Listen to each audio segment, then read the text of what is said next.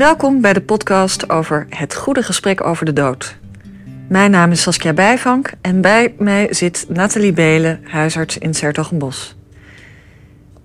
Deze podcast is gemaakt in het kader van het regionale project Zorg in de laatste levensjaren. Hier werken een groot aantal organisaties in de Bossenregio in samen. Doel is het gesprek over de dood te stimuleren, of eigenlijk liever het gesprek over het leven. Want als de dood nabij is, dan is het des te belangrijker het over het leven te hebben. Wat is belangrijk voor je? Wat wil je nog aan zorg? Waar wil je sterven? Wie wil je dan bij je hebben? Er zijn veel praktische en ook vaak emotionele zaken die fijn zijn om geregeld te hebben. En het begint allemaal met nadenken en vervolgens het gesprek aangaan over wat jij belangrijk vindt. Wat jij nodig hebt om zo fijn mogelijk tot het einde te leven.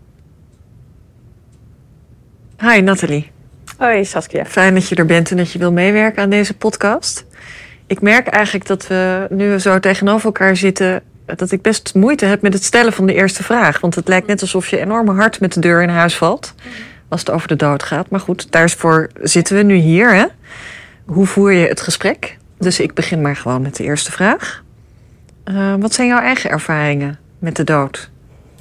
Ja, dat kan je natuurlijk van twee kanten bekijken. Ik, uh, je hebt me al aangekondigd uh, als huisarts. Ik ben 25 jaar huisarts. En uh, ja, daarin heb ik natuurlijk heel veel patiënten uh, begeleid en gezien die met de dood te maken hebben gehad. Patiënten die nadenken over de dood, die ziek worden, patiënten in de laatste levensfase.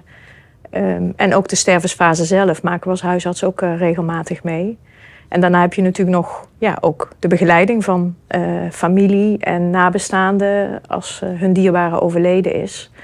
Dus van die kant heb ik de dood ja, uh, regelmatig meegemaakt. Um, als je het vraagt van in je persoonlijke leven, dan is mijn ervaring met de dood eigenlijk nog vrij beperkt. Ik, heb, ja, ik ben eigenlijk in de gelukkige omstandigheid dat ik mijn ouders nog heb en mijn schoonouders. Ah, dat is wel bijzonder. Ja, ja, en die zijn wel op hoge leeftijd. Maar, uh, en ook in mijn verdere familie- en vriendenkring... ja, heb ik eigenlijk nog maar weinig met de dood te maken gehad. Dus mijn meeste ervaring is eigenlijk uit mijn huisartsvak. Uh, ja. Vak. ja.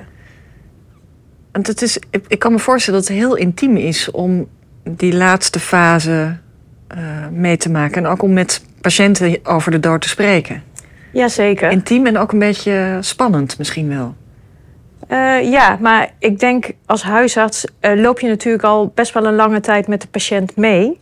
En uh, heb je ja, ook voordat de patiënt ziek werd of moest nadenken over de dood, heb je natuurlijk ook wel alles gesprekken gehad over andere dingen. Je weet vaak wat voor werk mensen doen of hebben gedaan, hoe een familie samengesteld is, welke problemen er misschien in een familie spelen. Um, dus dat helpt je wel vanuit je rol als huisarts om um, ja, in een laatste fase of in een, in een, in een stervensfase uh, dicht bij patiënten te komen. Is dat ook de fase waarin jij over het algemeen over de dood begint? Of is dat, kan dat ook nog eerder?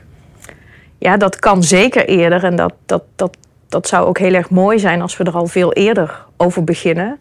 Uh, en dat is ook een beetje het doel van het project uh, waar we het nu uh, ook over hebben. Zorg in de laatste levensjaren. Ja, ja precies. Ja. Um, soms schuiven mensen het natuurlijk zelf heel lang voor zich uit. Hè? Dat ze uh, er zelf niet over willen praten of eigenlijk niet zo goed weten hoe ze dat vorm moeten geven. Soms zijn ze ook heel erg um, ja, nog bezig met behandelingen in het ziekenhuis bijvoorbeeld. Waardoor er weinig ruimte lijkt om over het laatste stuk na te denken. En um, ik denk dat wij als hulpverleners ook zelf uh, ja, eerder met patiënten die stap kunnen maken. Uh, bijvoorbeeld uh, als ze een, een, diagnose krijgen of als ze ziek worden, maar nog niet meteen doodgaan. Maar wel dat we dan alles samen praten over de laatste levensfase. Ja, wat wil je nog? Ja. ja. ja. En je zegt net, nou ja, voor patiënten zelf is het misschien soms te vroeg om erover te beginnen? Ja heeft het ook iets te maken met jouw eigen. Ik zei net aan het begin van het gesprek ja. dat ik het best lastig vind om dan meteen met de eerste vraag uh, ja. uh, te beginnen. Merk jij aan jezelf dat jij het ook lastig vindt om het in een vroeg stadium te bespreken? met patiënten? Mm, nou, ik, ik merk niet dat ik het inhoudelijk lastig vind om erover te spreken, maar meer dat er, dat er nog meer alertheid zou moeten zijn om het te doen, zal ik maar zeggen. Dus dat het, je denkt er gewoon niet aan. Ik denk er niet meteen aan. Uh, uh, dus de patiënt denkt er niet aan, ik denk er niet aan. En dan uh, ja, gaat er een tijd voorbij. En dan denk je, ja, we hadden hier ook al eerder over kunnen spreken. Ja. ja. Want het, je hebt niet, ik weet niet hoe dat bij huisartsen werkt eigenlijk. Dat je bij, als er een nieuw iemand komt, zijn dat dan wel de dingen hè, zoals euthanasie? Uh, uh, ik herinner me van mijn huisarts dat ik dat zelf heb moeten aangeven, dat ik daar iets over wil mhm. uh, vastleggen. Ja. ja. Uh, en, want zij begon er eigenlijk niet over. Nee. nee, nou ja, dat zou natuurlijk wel een aanleiding kunnen zijn. En dat regelen patiënten wel steeds meer goed. Hè? Dus ze regelen dan, ik zie dat vooral in de groep van nog jonge, vitale ouderen, die, die regelen dan bij de notaris allerlei zaken rondom eh, hun testament. En dan uh, regelen ze ook vaak dat ze ja, na hebben gedacht over bijvoorbeeld euthanasie. En komen dat dan met hun huisarts bespreken. Uh, en dat zou een goed, goed moment zijn om dan een verder gesprek met een patiënt te hebben. Want dat is misschien ook wel een beetje de valkuil. Het en ook het onderwerp van dit project, van de juiste zorg op de laatste, in de laatste levensjaren. Je wil het niet alleen hebben over wil je euthanasie als je in een bepaalde situatie komt of wil je wel of niet gereanimeerd worden. Maar je wil het veel breder trekken. Je wil veel meer van die patiënt weten. Ehm, Zoals? Nou, je wil ook weten van wat is belangrijk voor jou in de laatste fase van je leven. Hè? Welke dingen doen er dan nog toe voor jou? Uh, wat zijn nog zaken die je misschien nog uh, op moet lossen? Waar wil je sterven bijvoorbeeld? Hè? Heb je daar alles over nagedacht? Nou ja. Ja, dat zijn eigenlijk meer de dingen die het hart raken. Dus de emotionele zaken, zeg maar. Dus ja. het andere is meer regeldingen en dit zijn meer de emotionele. Ja. Heb je, heb je. Want ik kan me voorstellen dat je dat gesprek dus, hè, zoals jij zei, best vaak hebt gevoerd, ook met mensen. Merk jij dat ze dat. Wat, wat merk jij aan hen als je dat gesprek voert? Nou, dat zijn vaak dingen die mensen dan toch nog moeilijk concreet kunnen maken. En um, het is misschien ook als je je nog, uh, stel je bent een vitale oudere, je voelt je nog gezond en energiek, dan is het moeilijk om je voor te stellen hoe het leven zal zijn als je ja, ziek wordt of je gaat achteruit. Um, en we hebben nu ook vaak van, ja, als je een bepaalde ziekte of een aandoening krijgt, maar stel je bent ook oud of op hoge leeftijd en uh, je wordt of je krijgt een auto-ongeluk. Bijvoorbeeld, ja. ja. Uh, de vertaalslag maken van ja, je energiek en jong en gezond voelen. Hè? Bijvoorbeeld een auto-ongeluk, uh, ja, dat is moeilijk voorstelbaar. Ja. Hoe maak je dat dan concreet? Ja, en ik bedoel eigenlijk dat het van de een op de andere dag ook gebeurd kan zijn. Dus dat als je jong bent, dat, je, dat het ook misschien goed is om na te denken over uh, wat laat ik achter? Of wat, wat, ja. ja. ja. Nou, denk ik dat jij zelf ook een redelijk vitale oudere bent. Ja. uh, of een redelijk vitale jongere. Ik weet ja. eigenlijk niet hoe oud je bent, dus maakt ook niet uit voor dit verhaal. Heb jij zelf uh, dit soort dingen al geregeld? Los van de praktische zaken, maar zelf ook nagedacht over wat jij wil? Nee, ik denk wel door mijn ervaringen als huisarts wel na over mijn eigen dood. Dat ik daar beelden van heb, of dat ik daar gedachten over heb, of gevoelens over heb. Um, maar ik merk dat ik dat niet echt concreet maak. Dat ik dat niet dan bespreek van ja, wat zou dat dan betekenen? Als ik in een fase zou komen dat, uh, ja, dat ik nog maar een beperkte tijd uh, te leven heb. Uh, ik vind het best interessant dat iemand die zo in deze materie zit en zo betrokken is bij het project Zorg in de laatste levensjaren, zelf eigenlijk nog niet, als ik dat goed zeg, goed heeft nagedacht of het concreet heeft gemaakt, laat ik het zo zeggen. Over wat jij zou willen in de, ja, op het moment dat de dood dichtbij komt. Ja. Weet je waar dat aan ligt, dat je het niet concreet kan maken? Ja, dan kom ik eigenlijk weer, een, weer terug in wat ik in het begin zei. Dat ik me jong en energiek voel. En ik voel me nu gezond dat ik dat lastig vind om die stap te zetten. Ik merk wel dat we, uh, wat ik straks zei, uh, we hebben nog ouders en mijn schoonouders die op hoge leeftijd zijn. Met hun zijn we wel in gesprek gegaan. Ehm, ook een beetje gestimuleerd, dat deden we al, maar nog meer gestimuleerd door dit project. Eh, van denk eens na, waar wil je wonen? Wat heb je nodig om het fijn te hebben eh, op deze leeftijd? Eh, spreek met je eigen huisarts over de laatste levensfase. Denk je dan inderdaad na over waar je wil sterven? Ja. Dus dat, dat die stap heb ik wel. wel. Ja. Ja. Ja. Ja. En daarin merk ik ook verschillen dat de ene persoon ehm, wat makkelijker daarover praat en wat duidelijker voor ogen heeft wat hij wil. En dat de ander ehm, het wat voor zich uitschuift. Ja. Jij leidt eh, ook jonge huisartsen op, hè? Ja, Spreek je met hen ook over het thema zorg in de laatste levensjaren? Of hoe begin je het gesprek over de dood met je patiënten? Ik eh, ben ook docent aan de huisartsenopleiding en daar begeleid ik inderdaad eh, jonge huisartsen die eh, in opleiding zijn tot huisarts. En ehm, in het tweede jaar, als ze in het tweede jaar zitten, dan hebben we een, ehm, een periode van drie maanden waarin het over chronische zorg en zorg voor kwetsbare ouderen gaat. En dan geven we de jonge AJOS, de jonge dokters, een opdracht van teken je eigen dood. Mooi. Ja, Hoe doe je dat dan? Ja. ja. Nou, ze krijgen de opdracht mee om, om, om twee of drie weken later eh, een tekening mee te nemen. Of ja, om, om er in ieder geval over na te denken, maar Ja. we doen het aan de hand van een tekening. Het zijn natuurlijk jonge dokters die ook meestal nog beperkte ervaringen hebben in hun eigen omgeving met de dood, maar wel in hun sta op hun stageplek of in de huisartsenpraktijk of in een verpleeghuis ja, te maken krijgen met mensen die doodgaan of die daarover nadenken. En dat levert hele mooie gesprekken op. En ook dat is weer meer dat we willen dat eh, die jonge dokters daarover na gaan denken. Dat we ze eh, aanzetten tot nadenken daarover. Voor hun persoonlijk, Mhm. maar misschien ook in relatie tot hun patiënten. Patiënten, ja. Of toekomstige Ja. patiënten. Ja. Ja. En ik denk dat we dat in de hele medische wereld wel zien. En dat zien we natuurlijk ook in de huisartsenpraktijk. Dat, dat de zorg ook een beetje een, een zorg van afvinklijstjes is geworden. En wat moet je weten ehm, van een patiënt? Van als ik, als ik vijf kruisjes heb, dan weet ik alles van die patiënt. Of dan kan ik Ja. hem beter behandelen. Ja. En dit is juist weer bedoeld om ja, ze gewoon gevoelig te maken voor het onderwerp. En daarover na te denken. En daarnaast besteden we ook aandacht aan communicatietechnieken van hoe begin je dan zo'n gesprek met een patiënt. Ja. Daar, daar wil ik heel graag straks met je op terugkomen. Maar ik ben Ja. nu heel erg benieuwd naar wat is de mooiste tekening die je hebt gezien? of de gekste, mag ook.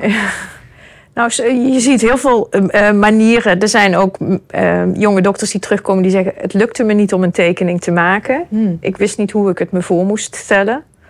Ehm, de grootste gemene deler is wel dat iedereen zich voorstelt dat hij omringd door al, alle dierbaren midden tussen bloemen met uitzicht op een mooie tuin eh, vredig eh, zal sterven. Het klassieke plaatje Het eigenlijk. klassieke dus. plaatje, Ja. ja.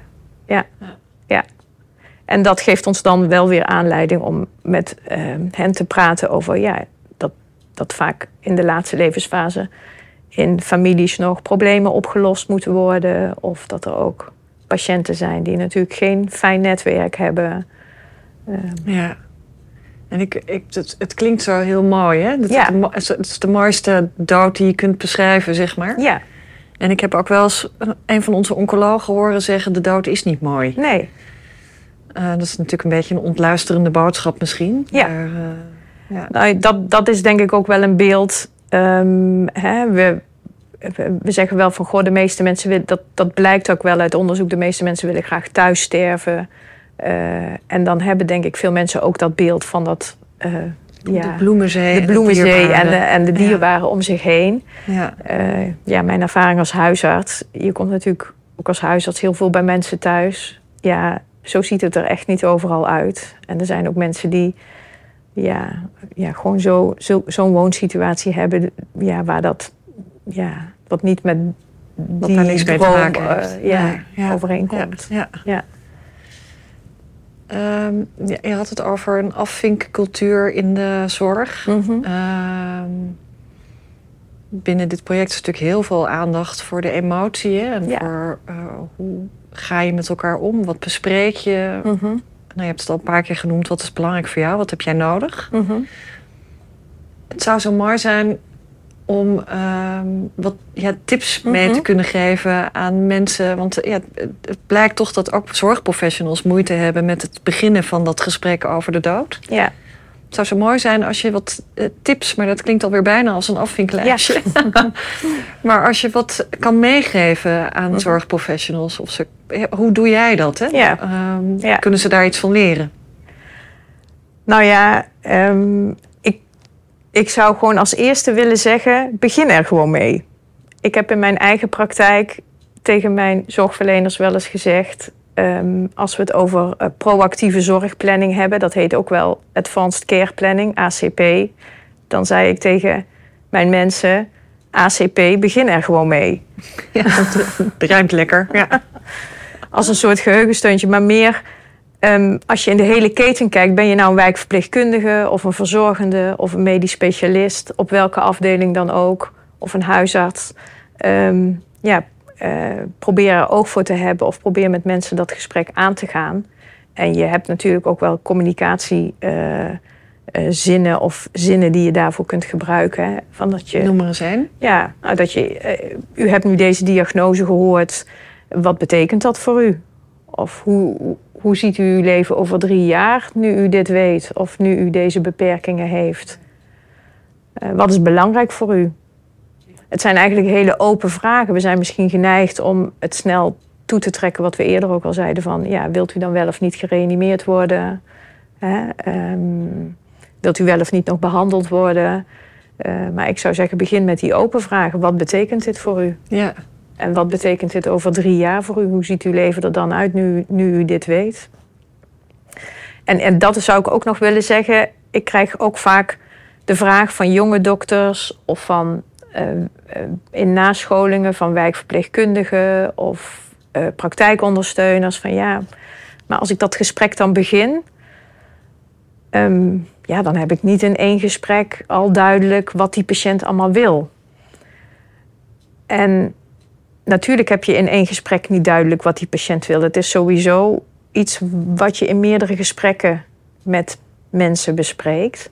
Maar ik denk wel, ook al heb je maar één gesprek met een patiënt daarover gehad, dan heb je wel een zaadje geplant. Hm. En dat Je hebt iemand tot nadenken je hebt iemand tot nadenken. je? Ja, ja. je hebt iemand tot nadenken gezet. En komt die patiënt dan toch onverhoopt op de eerste hulp.